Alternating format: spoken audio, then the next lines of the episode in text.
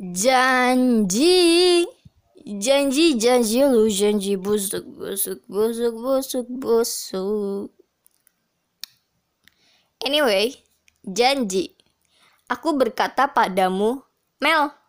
Gua dong dipanggil. Canda Mel. Iya gue maafin. Gitu dong.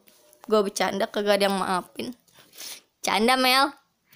Hujan juga punya janji seperti kita menunggu mendung, murung di jalan, di trotoar para penjalan kaki juga memiliki janji. Seperti mentari bergegas surup di ujung hari. Mel, pepohonan dan bangku taman yang sendiri sepertimu. Ia berjanji pada kesetiaan angin untuk pulang tak sendiri. Wah, dia pulang beramai-ramai. Mel, tanah juga memiliki janji, seperti kelopak yang terberai, terderak ke bumi.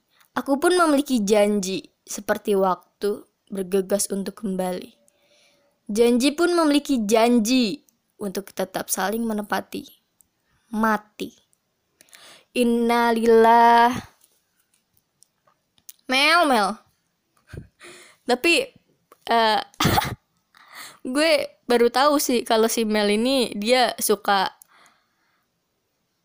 duduk di bangku taman sendirian seperti